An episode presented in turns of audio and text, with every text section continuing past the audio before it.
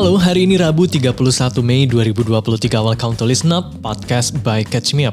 Hari ini kita bakal bahas ekspor pasir laut yang disahkan Presiden Jokowi Erdogan yang terpilih kembali sebagai Presiden Turki dan bahaya siklus hate yang tidak teratur. And now, let's catch up. 15 Mei kemarin Presiden Joko Widodo menandatangani aturan soal ekspor pasir laut guys. Aturan ini legit ngebolehin sejumlah pihak untuk mengeruk pasir laut Indonesia. Padahal tindakan ini udah dilarang sejak tahun 2002 lalu.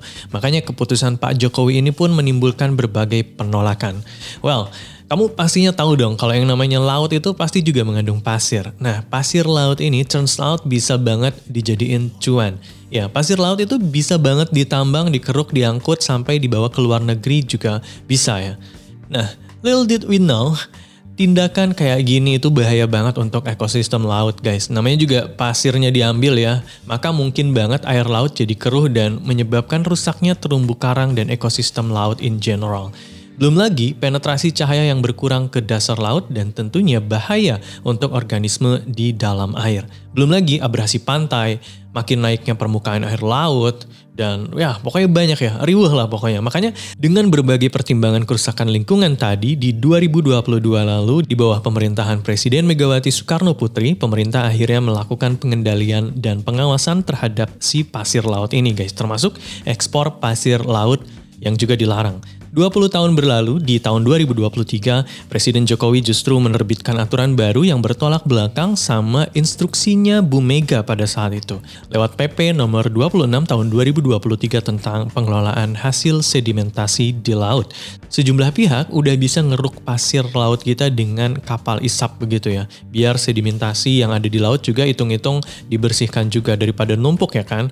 Makanya sekalian aja kapal dalam negeri atau kapal luar negeri itu ngisep pasir laut terus dipakai untuk berbagai keperluan kayak reklamasi, pembangunan infrastruktur, pembangunan prasarana oleh pengusaha, dijual ke luar negeri dan lain-lain. Ya, diekspor ke luar negeri. Adapun dalam ketentuannya di pasal 9 Pak Jokowi bolehin pasir laut itu diekspor asalkan kebutuhan di dalam negeri udah terpenuhi Terus harus udah dapat ACC dari Kementerian Perdagangan juga. Dan officially harus sesuai sama peraturan perundang-undangan. Gak cuma itu, kalau mau dijual lagi di pasal 10, Pak Jokowi juga bilangnya perusahaan yang ngejual ini harus dapat ACC izin usaha pertambangan dari Menteri ESDM atau gubernur setempat. Terus perusahaannya juga harus bayar pajak dan pungutan lainnya. Jadi ya Gak bisa sembarangan main keruk terus dijual gitu aja, gengs. Kalau kayak gini kan kayak seolah-olah lingkungan rusak ini cuma buat duit, ya. Makanya banyak yang menolak aturan baru ini, salah satunya Bu Susi Pujiastuti, mantan Menteri Kelautan dan Perikanan. In this case, Bu Susi berharap banget semoga peraturan ini dibatalkan. Dan bukannya apa-apa, tapi emang kerugian lingkungannya bakal jauh lebih besar kalau kata Bu Susi. Terus lewat akun Twitternya, Bu Susi bilang, climate change ini udah terasakan dan berdampak. Janganlah diperparah dengan penambangan pasir laut. Selain itu, Greenpeace, sebuah NGO yang vokal when it comes to environmental issues, bilang penjualan pasir laut itu cuma bakal mengganggu kehidupan masyarakat di pesisir, gengs. Padahal kita tahu bahwa mereka menggantungkan banget hidupnya di laut.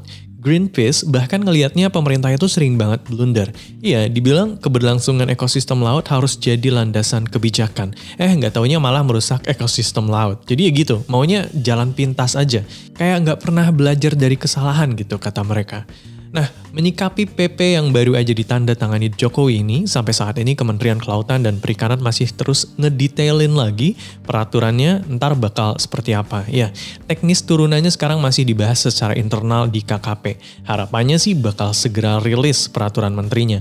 Tapi yang pasti, pihak KKP bilang pihaknya bakal mengatur bagaimana caranya si ekspor pasir laut ini nggak bakal merusak lingkungan. Nggak kayak sebelum tahun 2002 kemarin.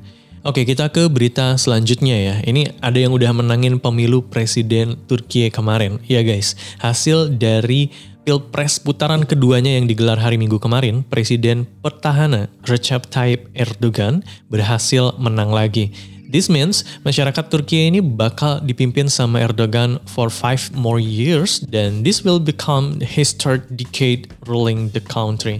Yap, jadi after such a long process, ada empat capres di Turki dalam pilpres putaran pertama yang digelar 14 Mei kemarin. Para kandidat ini adalah Recep Tayyip Erdogan, Kemal Kılıçdaroğlu, Sinan Ogan, dan Muharrem İnce. Jadi dari empat kandidat tadi cuma dua yang lolos ke putaran kedua yaitu Erdogan dan Kilik Daroglu. Keduanya masing-masing meraih 49,5% untuk suara Erdogan dan Kemal dengan 44,89% suara. Karena aturan di Turki ini seorang capres itu harus mendapat dukungan sebanyak 50% suara maka belum ada yang meet the requirement dan digelarlah putaran kedua.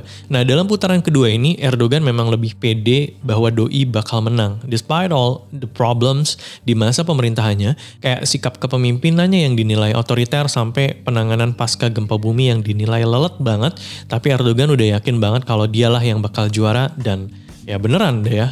Sementara Kilik Daroglu juga banyak memaksimalkan kondisi di era Erdogan yang memang banyak masalah sih guys. Kayak misalkan krisis ekonomi dan bencana gempa tadi. Selain itu, Kilik Daroglu juga punya visi misi yang lumayan kontras dengan Erdogan. Misalnya, Doi mau mendeportasi massal pengungsi Suriah yang selama ini ada di Turki. Pokoknya kedua calon presiden ini saling berlomba-lomba untuk ngedapetin suara paling banyak sampai akhirnya 28 Mei pun tiba dan putaran kedua pun digelar. Hasilnya ternyata warga Turki masih belum bisa move on dari pemimpinnya selama 20 tahun itu alias Erdogan menang lagi. Dari hasil perhitungan suara Pilpres putaran kedua yang digelar dua hari lalu, Erdogan berhasil unggul dengan perolehan suara 52,14 persen.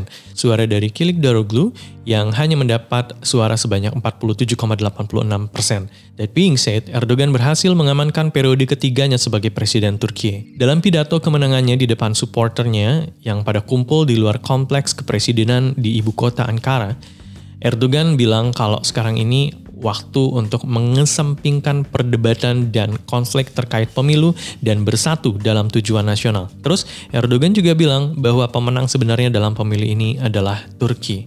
We are not the only winners. The winners is Turkey.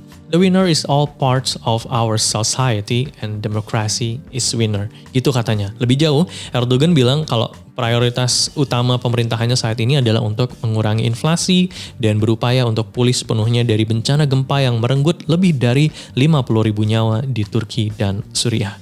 Terus rivalnya gimana dong? Ya tentu aja tidak baik-baik saja guys. This was the most unfair election period in our history. Gitu katanya. Kilik Daroglu menilai pemilunya nggak adil dan banyak kejanggalan. Beliau juga ngaku sedih dan kecewa. Dan ya suram aja katanya Turki untuk ke depannya. Selanjutnya Pak Kilik Daroglu juga bilang terima kasih sama pendukungnya atas suara yang udah mereka berikan. Terus juga beliau bilang ke para pendukungnya untuk tetap berjuang untuk demokrasi seperti yang bakal tetap dilakukannya di masa depan. Meanwhile, Pak Erdogan juga sempat ngeledek Kilik Daroglu juga nih di depan pendukungnya. Bye-bye Kemal, gitu katanya. Actually, yang menilai kalau pemilu yang dimenangkan Erdogan ini curang itu bukan Kilik Daroglu aja ya, karena dia kalah lah udah jelas. Pada 2018 lalu, organisasi untuk keamanan dan kerjasama di Eropa ada Organization for Security and Cooperation in Europe atau OSCE juga menilai kalau partai oposisi itu nggak punya kesempatan kampanye yang sama kayak partai penguasa. Selain itu, OSCE juga menduga kalau kebebasan media yang minim juga jadi salah satu faktor yang menguntungkan Erdogan. Ya, kita ke berita yang terakhir. Iya guys, kalau mau ada yang irregular atau inconsistent, itu cukup situationship kamu aja, jangan sampai ke siklus hate juga. Hal ini karena penelitian terbaru menemukan bahwa perempuan dengan siklus hate yang gak reguler atau dengan durasi yang berubah-ubah itu punya risiko lebih tinggi kena penyakit jantung.